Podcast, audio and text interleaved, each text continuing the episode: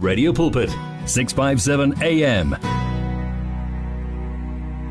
657 AM Khashini yethu ngikanye ke no Dr Lesego Molobela eh kanye no mfundisi uTebogo Mokwena. Umfundisi uTamati ya sinaye la until 5 o'clock. And sikhuluma indaba ebalekile la indaba ye anointing kodwa ngaphambi kokuthi singene kuyona ithi ngibabingelele kahle sanibonani?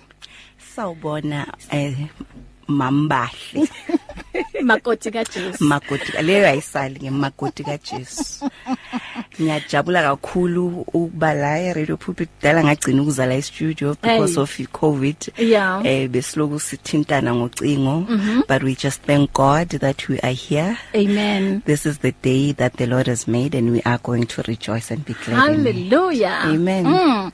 Eh doc ngifuna ukuzwa ukuthi la eyakho le eh, ngicela ukhulume eh kulendaba ye anointing ngoba em bafundisi bami kukaningi s- sizwa nje kusetshenziswa leli gama ukuthi eh you are anointed. Em usibani bani une anointing. But eh, ngathi asi understand ukuthi uma sisho kanjalo sisuka sikhuluma ngani. Ngoba mina ithembe ngibheka i, i, i definition ku dictionary um yaleli gama anointing ithi to smear or rub. Mm -hmm. with oil or Yes. any oil substance to apply oil to as part of a religious ceremony yes um kungaba to anoint the priest or abantu abagulayo mm -hmm. so ukuze sizwe eh qonda kahle lentaba kinagana gore um doc Yes. re swantse re thome ka go tlhalosa gore ke eng? Ano kana anointing ka Setswana ke eng? um anointing ka Setswana ke tlotso. O tlotso. Yes, dear. ucobo Uqobo, ngesizulu. Ngesizulu, yes. Mm. Anointing ke tlotso. Okay so um just to make it simple am i allowed to speak kasi khoa or can i just mix? You can it's mix, fine. yes. okay. All right. Anointing besides the the definition that you just gave us now mm. ne?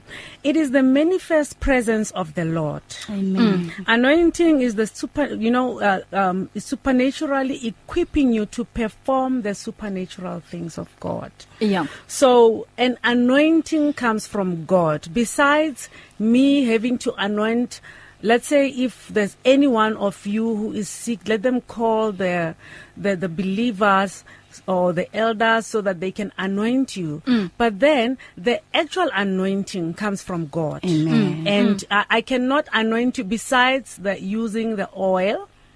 Um, I cannot say I've anointed you. mm. but God is the one who anoints you and that you will can find you will find in 2 Corinthians chapter 1 verses 21 and 22 Mm. yes so kahle kahle um i i in e anointing i involve a literal pouring of oil.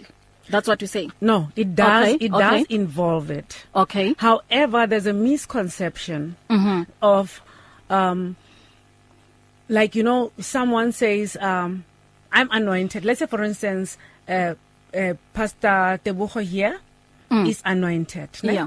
and I see her perform miracles Mm. and those miracles she's just a vessel mm. God is just using her as a vessel mm. to perform those miracles and then I will look at her and I will say you know what I want her anointing mm, and then I will and yet God has uh, anointed each and every one of us yeah just with different anointings for different offices or different uses Mhm. yes Mm.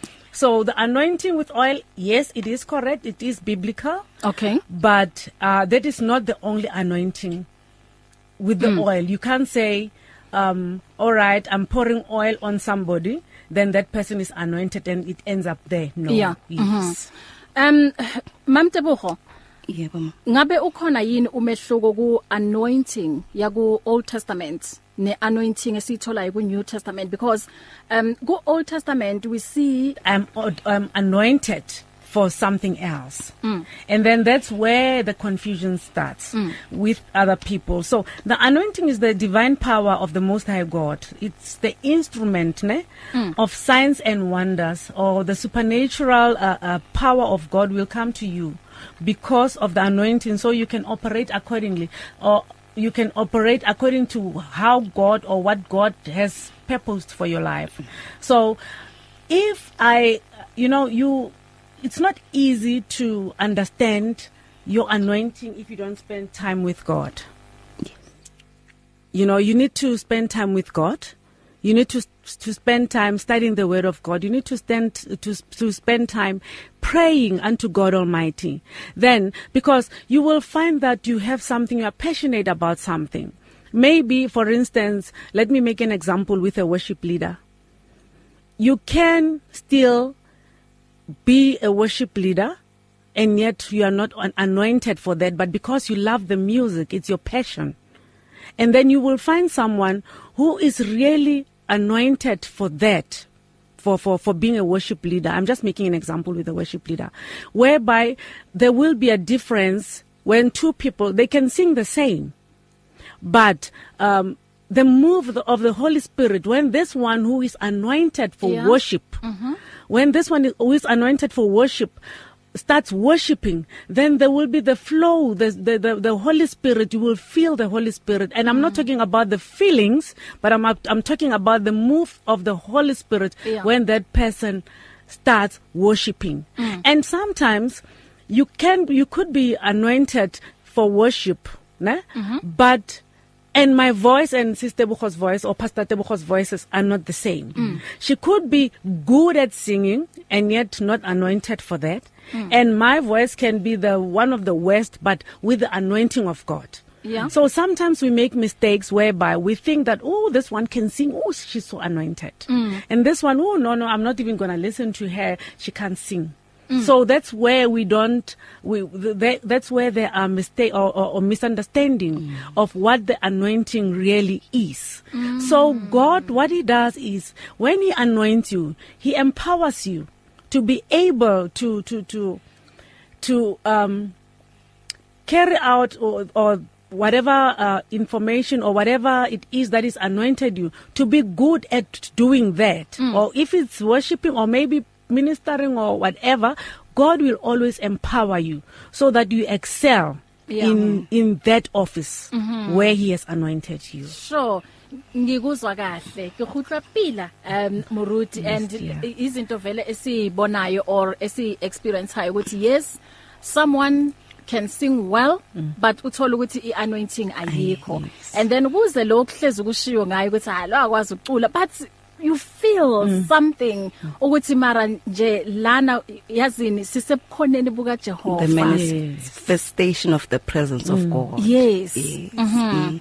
i think you ke into ezo set apart then ukuthi this individual is anointed or not yeah. when there is a manifestation of the presence of God then i think it's a telltale sign ukuthi yes, yes. lo noma njengoba usho sisibahlu ukuthi mm. kuthiwa uyabhimba but because yeah. of the God in his wisdom mm. um anointile lo Get your daily bread but also your faith in practice. It's 657 AM. The sounds of your life. Give your faith wings. Explore life with 657 AM. 657 AM. whether thina sicabanga ukuthi uyabhimba or not but there is a manifestation and when the manifestation of God happens it's not for us ukufeel ama goosebumps or in like um Yeah. upastor Lisego asho it's for uh, i- i- to minister to abantwana bakhe so uzothola ukuthi lo muntu uma esecula ama the supernatural starts happening. Abangaboni uma ngale basiqale babone. Abangezwa bezwe. So it it means ngaso sikhathi ke the holy spirit and the anointing is at work. Because of the anointing that is in lo muntu loyo oculayo. Uma eseqala ukuworshipa and then the presence of God is made tangible and uh, it manifests then bese sibona the supernatural yenzeka. Um so ziningi izinto zenzakalayo emasontweni and then sila emhlabeni. Kuyenzeka ukuthi ungene esonweni. Yes. And yes you are anointed. Mm. and kube khona ke ama mistakes owenzayo.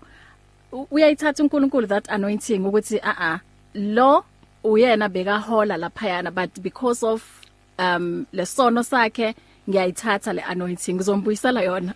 Uma sekabuyile futhi mhlamba azoxolisa. The gifts of God are without repentance sibahle. Yeah. uNkulunkulu will not take the anointing the anointing mm. will always be there ukugcobile ukugcobile Yeah. that is why as umuntu you need to work on your character mm. oh i-character yiyo ebalekile Profound. yes Yeah. i-anointing ngoba ngoba uNkulunkulu uyafuna ukuthi ugcobile and uyafuna ukuthi Mm. abantwana bakhe ba ba ba benefit from this anointing agcobe ngayo Yeah. so wena ukuthi you are not in right standing with him angeke ayithathe uNkulunkulu Mm. Uzo uzokiyekela uqhubeke u- i manifeste kwi ministry yakho. Yeah. however wena esayidini eh i character personally you are not in right standing with God. That is why mele every day you live a, a a life of repentance as a believer. Ukuthi inkosi yami ngicela ungicheke la ngihambanga kahle khona ngibonise so that ngizokwazi ukuthi i character yami ibe if ibe yilento efuna ukuthi wena ibe yiyo. And that is according to the word of God. Wow. So, um 1632 ngikanye nomfundisi uTebogo Mokwena eh kanye no Dr Lesego Molobela sikhuluma la indaba ye anointing ukuthi iyini ianointing. Ngicela ukuthi ngithathe ikhefu la eh, mhlambe lapha emakhaya bane banemibuzo ukuthi mm ayi ngathi angayitholi kahle le ndaba ake ninabe ka- ka- kabanzi bafundisi. Okay, uma sibuya la zivuliwe incingo ku 0123341322 noma ku 012 um triple um 38699 unga WhatsApp na ku 0826572729 nalapho ke uyathumela i voice note noma usebenzise i Telegram unga text ku 37871 Radio buzzing of life. 657 AM. 1634 sikhuluma ke ngeanointing kulentambama eh ngikanye nomfundisi uTebogo Mokwena kanye no Dr um Lesego Molobela. Um ungangena nawe uma uthanda ukuphawula noma unombuzo 01233413 um 22 usemoyeni sawubona? Sisi tata. Ah mandibulise. Kubefundisi bami okunye nabo istudio ngelika Kristu kama amen. Siyabulisa tata okay sibahle nabefundisi. You have come up with so very very very much important topic. Very very very very much important topic. Kuba kaloku u- u- uma sizawuthetha nge-anointing have a, a picture sibahle ye, ye license disc. Apha emotweni uyayibona ne? Ewe. Uyayibona i-license disc? Mhm. Eh it's so very very very much important. Amapolisa uma emisa imoto aqala pha kuyoqala. Yeah. Mm. I- ingajongwa enye nenye le kodwa aqala pha kwedisk mm. I- i- injalo indaba ye-anointing. Mm. Into aqale qala ijonga uthixo emntwini ujonge anointing. Cha cha cha mhm meaning that u- uba ujonga i-Ephesians now ku chapter 1 verse 13 u sesithetha ke ngoku nebandla lase radio pulpit mm. Now i-Ephesians eziya isisibonelo eh athi phaya nani ke bandla lase Efes A- athi nimanywe noKristu nje. Ngokuba nisizile nani bandla lase-efese nimanywe noKristu nje. Ngokuba nisivile indaba ezimnandi? Now indaba ezizezinguquko now indaba ezizezenyaniso nazanazamkela very good. Nazanazamkela ngoba nisivile athi ke apha ngezantsi athi ngoko ke uthixo uniphawule underline very very very much important. You have been marked hmm? now you have been sealed. So ngoko ke uthixo uniphawule now ngomoya wakhe oyingcwele you have been empowered filled now marked now enriched fully loaded. Yabona? fully backed yo. So u- u- lo moya uyingcwele niphawulwe kanti sibahle uthetha umile because uyithetha ilapha kuwe kuqala awulinga sifalo sibahle you are not a cheap copy copy of the original Paulus. Ah uyi original because aluphawu luthethwa nguwe ngoku so kwibandla lase radio pulpit.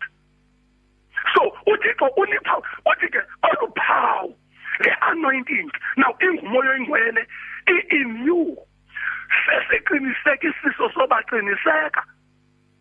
Bakhathi wena uyindlalifa yakwathixo. Lekho akho doubt sibahle le-anointing ingumoya oyingcwele.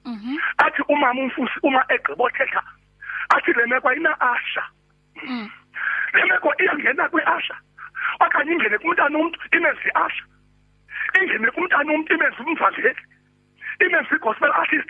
Lanto athi ume umzekelo sibahle iyasaba ngokusaba kodwa le anointing apho khona isidibane sakhona umoya oyingcwele usidibanisele kube ntoba sisebenzela uthixo. So that's why sibahle singena competition kwathixo. That's why singacompete now singenzi imali nge-talk shows koko sicacisela abantu ukuthi uzawuthi u- u- uqula kwi-colossians chapter one sobeka phantsi mama chapter one kuvesi twenty seven one phasa. Uthi kunemfihlelo enkulu engaziwa lihlabathi one twenty seven uthi le mfihlelo ingaziwa mntu yaziwa nini? Uthi uthixo ungaphakathi kuni. Umoya oyingcwele ugcobo lwezulu lungaphakathi kuni impilo sibahle egqibeleni uma behlele estudio nobefundisa umzekelo ugcobo lona egqibeleni iphethe lifumaneka kunowakha only one man worldwide eyayina anointing.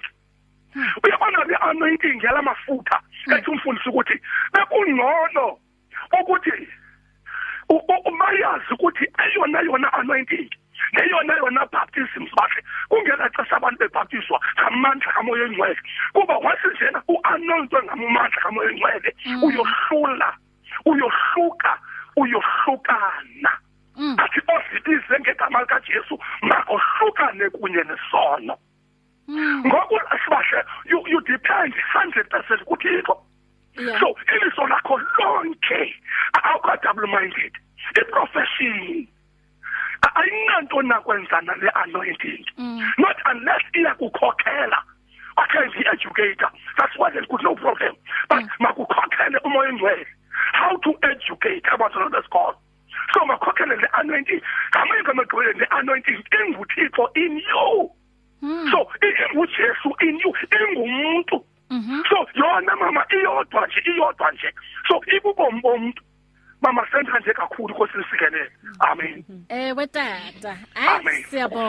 siyabonga siyabonga bless you. Bless you. Bless you Yeah, um 20 before 5 o'clock uzivuliwe incingo.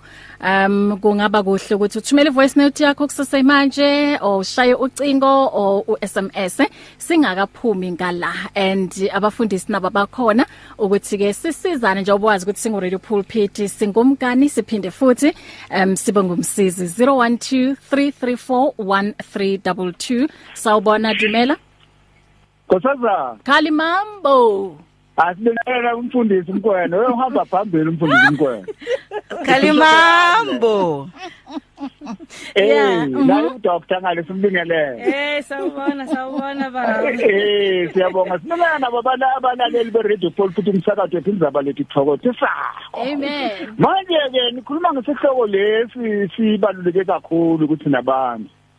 Ngenxa yani ngoba umuntu umemukela uJesu Kristu usuka segcotshiwe nguye uJesu Kristu. Yabona uma sifunde encwadini kaLuka lapha uma uMaria alokwanjana eingilozi yakuye ithi lo moya kaNkuluNkulu namandla kaNkulunkulu atawehle emzimbeni i-anointing leyo. Uma uJesu eceda ukubhajathiswa nguJohana lo moya kaNkuluNkulu ithi iBhayibheli izulu lavuleka lo moya uma icade kuthandaza uJesu mathandaza lavuleka izulu lo moya kaNkuluNkulu wayehlela kuye. I-anointing leyo. Manje ke emabandleni kuba khona ukuthi umoya kaNkuluNkulu ungaveli ngamandla emuntwini.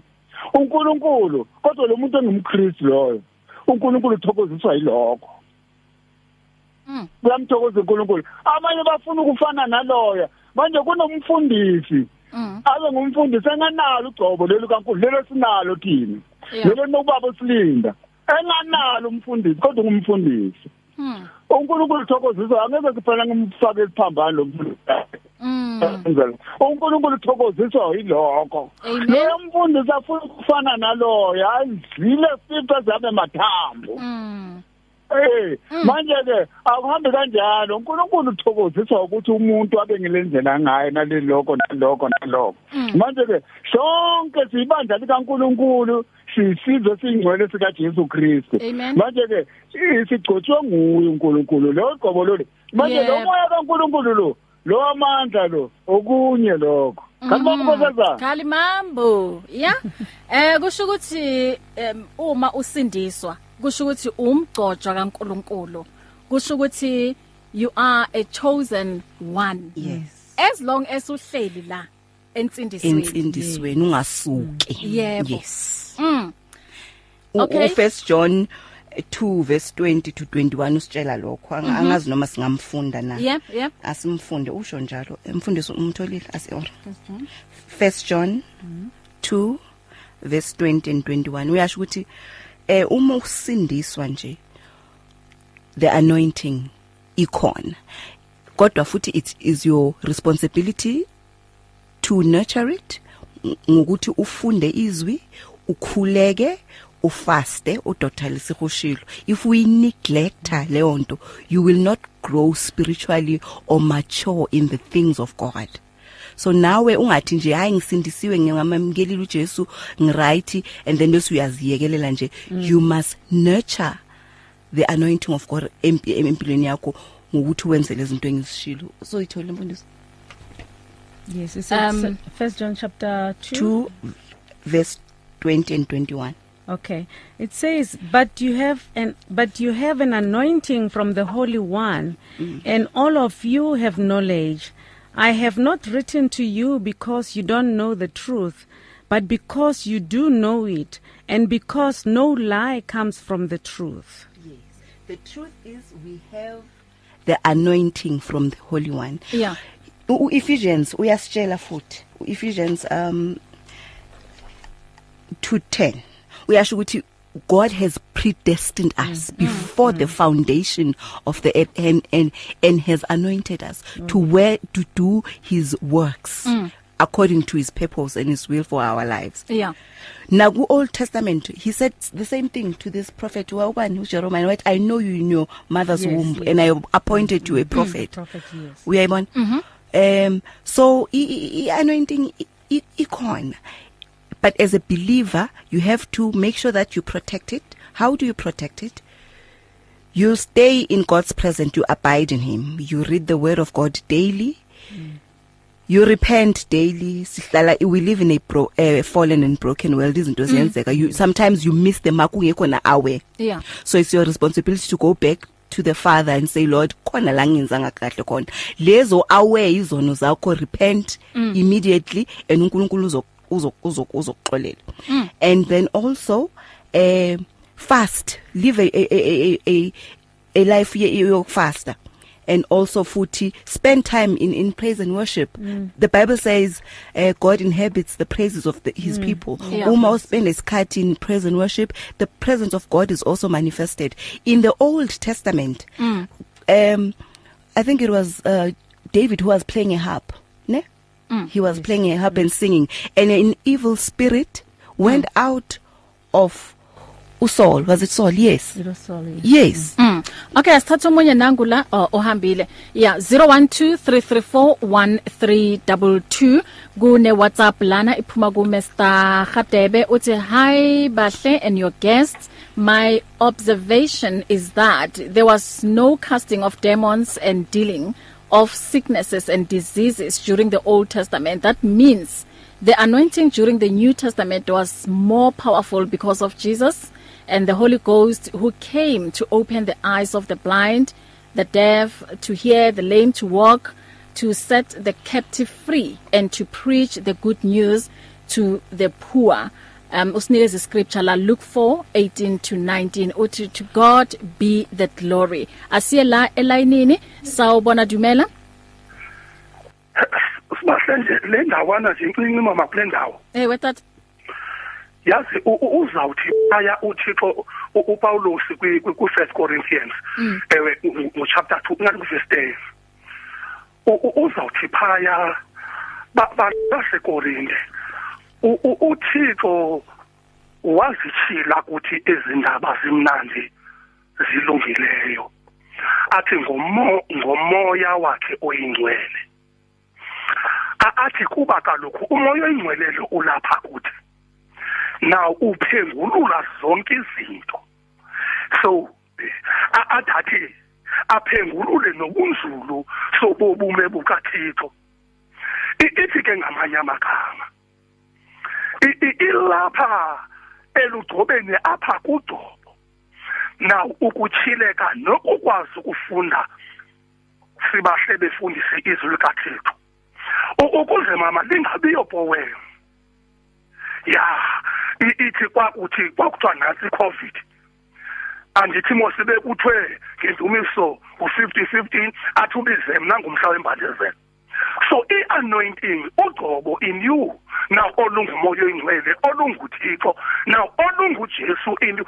Sokuyoyika sibahle into yoba lo mntu wadala izulu lehlabathi nakwapha kuwe. Nguye otshoyo. Akusingoba ngani otshoyo? So nguye onika ubungqina. Into yoba ndikule conveyor belt now ndikule tool so ndikule instrument sokuyoyika loo nto. Kuba uyamva ukuthi le anointing nathi hleli le ntambiso nansi hleli kaloku mama le ntambiso sithanjiselwe into yoba sibe ngamangqina now ukuze bonke abantu ingoneli nje le anointing ibe kuthi xa kuphela laa nto athi kumzekelo athi ke usindiso olulelwa abantu bonke so utsho ukuthi le anointing olugcobo hayi lolo abathile no no no no lolo abantu bonke. Elikuma ke ngoku. Ukuze ukwazi ufunda isibhalo ithi ke loo nto hlala apha ejerusalem ngexesha wamke wamkele kuyesu sishafundisa ngokwamkele kuyesu ndiyamamela ngamanye amagama uzawuhlala apha enkonzweni. Athi umem mamele ngoba kuzawuthwani kuthiwa zela ukudla thandaza. Ukufunda ibhayibhile ngexesha uhlela apha enkonzweni umoya ingcwele uyesiza kakuhle ngokuzinikela kwakho ekuzinikeleni into yoba ndafuna thixo. Eh, lakithi umzekelo kuRomans chapter 12 verse 1 athi ndiyanibongoza zinikeleni imizimba lenu yonke niyilahle lapha kum. So nabe nizinikele kum? Ndizawuni-update ndizawuupgrade ndizakwenzela ukuba yi-renewal ngamanye amagama. Ndiyayithanda le nto befundisi ithi nokwenza ne-anointing yile yenzakalise sibahle iinkonzo ezininzi. Yeah. esathi ukhalimambo Mm. athi a- uthi kwa-israyeli asinguye wonke umuntu okwasirayeli osindisiweyo sibahle Mm. Ah, ah, ah, ungahlala kwaSirayeli but akusibathu bonke abasindiswe kwaSirayeli abamazi uYesu. And secondly akungabefundisi nabavangeli negospel artists zonke ezinomoya engcwele kaThixo. Kodwa sekunjalo akumelanga base kugwetywe umuntu bakaxa sikule talk show sizothi madoda xa ucula mani xa ucule mani uphenjelelwa ngumoya ingcwele kaThixo.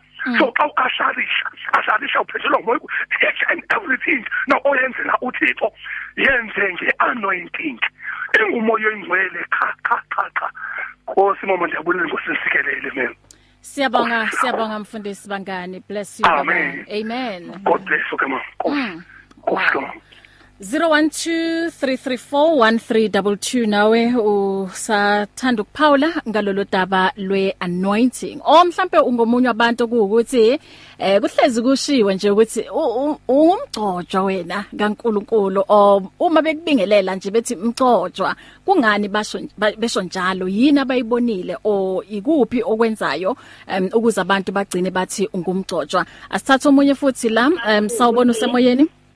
Awu Nkosi yami sanibona emntanami. Yebo gogo kunjani? Unkosi isikhathi kunini ngisokola. Awu ngiyaxolisa. Hey angithi Ngiyakhona umndeni. bayahlala la bahlala bakhulume bakhulume bakhulume. Uthathi bangani tokhana noko bathi uthisa kamaphayithi to. Usoma eh ngeke ngemlo lotata kimi bethi ngiyanqonela umbonga. U- u- Ubaba bangani? Uthathi bangani tokhana. Ehe naba bafundisi khuluma eh khuluma nabo Konke gogo. ngiyandingela abafundisi ngoba isikhathi sifishane kudala ngihlupheka. Kodwa mina ngiyamthanda uMathosalonika 5 verse ka19 malithi lenkosi ungamcini umoya oyingcwele. amen Amen. Lithi ke vinyani konke nibambise okuhle kodwa nibheke koku. Uyayibona indaba. Yeah. Ya ngoba isikhathi esinye kungaba umina engo engiba nokulunga kukaNkuluNkulu. ngempela mama Ngiyakuthola ukuthi mina ngikhwela intaba ngithi nakade ngiyentabeni amalanga ayi21. Mm. Mara ngisele nginenkinga. Mm. Ya ngathandaza ngathi ngafunda iBhayibheli ngathatha u1 ngawumbeka kusambo. Kodwa isithelo asikho. Uyabona? Yep. manje uPaul kumaKorinto lapha yana 8 verse lokuqala uthi ukwazi kuyakhukhumeza Mm. kodwa manje uthando liyakha yes manje ngithanda Jesu ngithanda umoya ongcwele Mm. ngiyomazi engikhonzayo. Oh yes. manje kuJesu ungiphutha kakhulu lapha kuJohn 15 mayithi hlakaniphi ku4 kodwa manje khona indawo lapha ethi kuyo maswaqala uhamba nayo ukuthi amagatsha la angathekithele uthi uyawasusa. Yes. Mm. yabona ke mhlawumbe ngithola ukuthi ma ngokwenza kwami izinto sengigatsha elisusiwe. Ngoba manje ngeke ngamlawula umoya engcwele ngamcima. Ngoba uJohn impostoli wathi ukwamthinta kuverse 26 uthi ke lolu gcobo olidini akekho ozonifundisa ngoba lona lizawunifundisa Yep. Mm. angithi njalo nje nkosi Mm. lo moya engcwele beyokithi uwona ozongitshela ukuthi hayi uma sekudutyulwe ematafuleni ngena kuDisemba ngiyathatha noma ngithathi na Yep.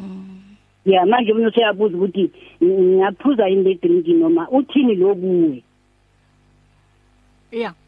sikhuluma ngathi singamcini ya ngoba isikhathi uyigcina wena. Yeah. gogo. ngempela. Ya bese wena uthi ka- akathathi igcobo lakho kungako ke kusithi wona sokucinile awuboni uhamba ngengqondo wangenize ebandleni lama abaningi bethanda ukuthi ukuthi ngasikhula thina.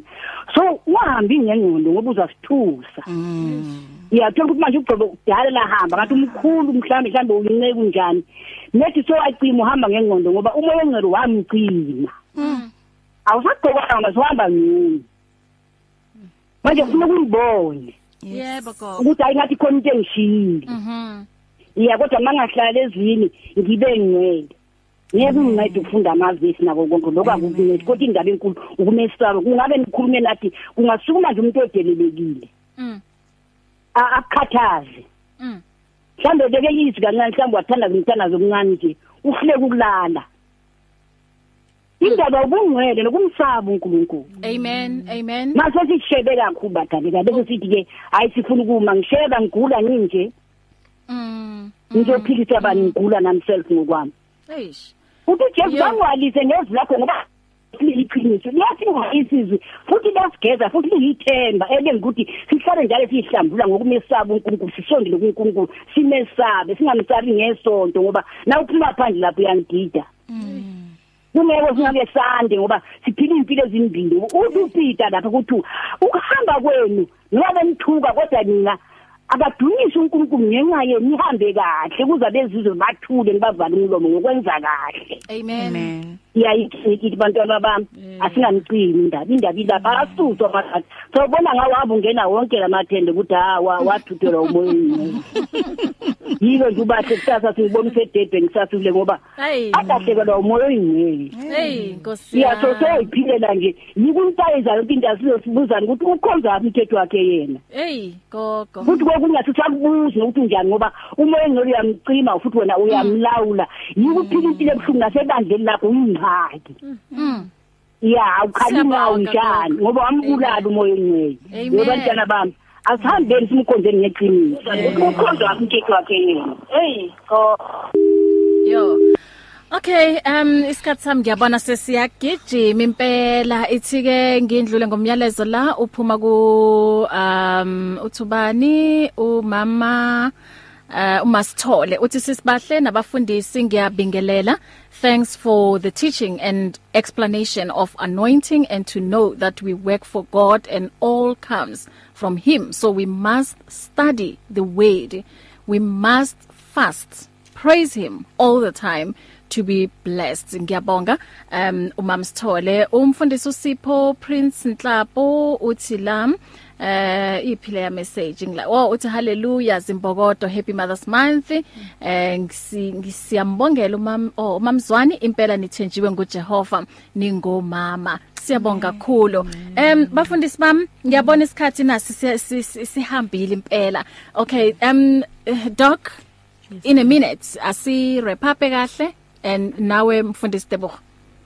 All right. Uh mina you know I just want to say i anointing ne uNkulunkulu does not anoint you based on your experience. Yeah. Akabheki isimo sakho, akabheki your status. He doesn't Yeah. look at how your you know your education, mm. your abilities or how well you know the Bible. uNkulunkulu will will will anoint someone who is always connected with him. Yeah. Amen. So I just want to encourage each and every every one of us that let us not lose that connection noNkulunkulu Yeah. Because we want to stay in this uh, uh, anointing because without God's you know if you unplug something mm. then that thing doesn't have any power and siphila manje esikhathini esinzima whereby we have to rely ku- kuNkulunkulu ngakho konke so i just want to encourage each and every one of, of us ukuthi let us hold on let us not disconnect from God. Let us live a prayerful life and let us for, not forget to pray for all those that cannot pray for themselves. Amen. Amen. Mm. Well mm. said.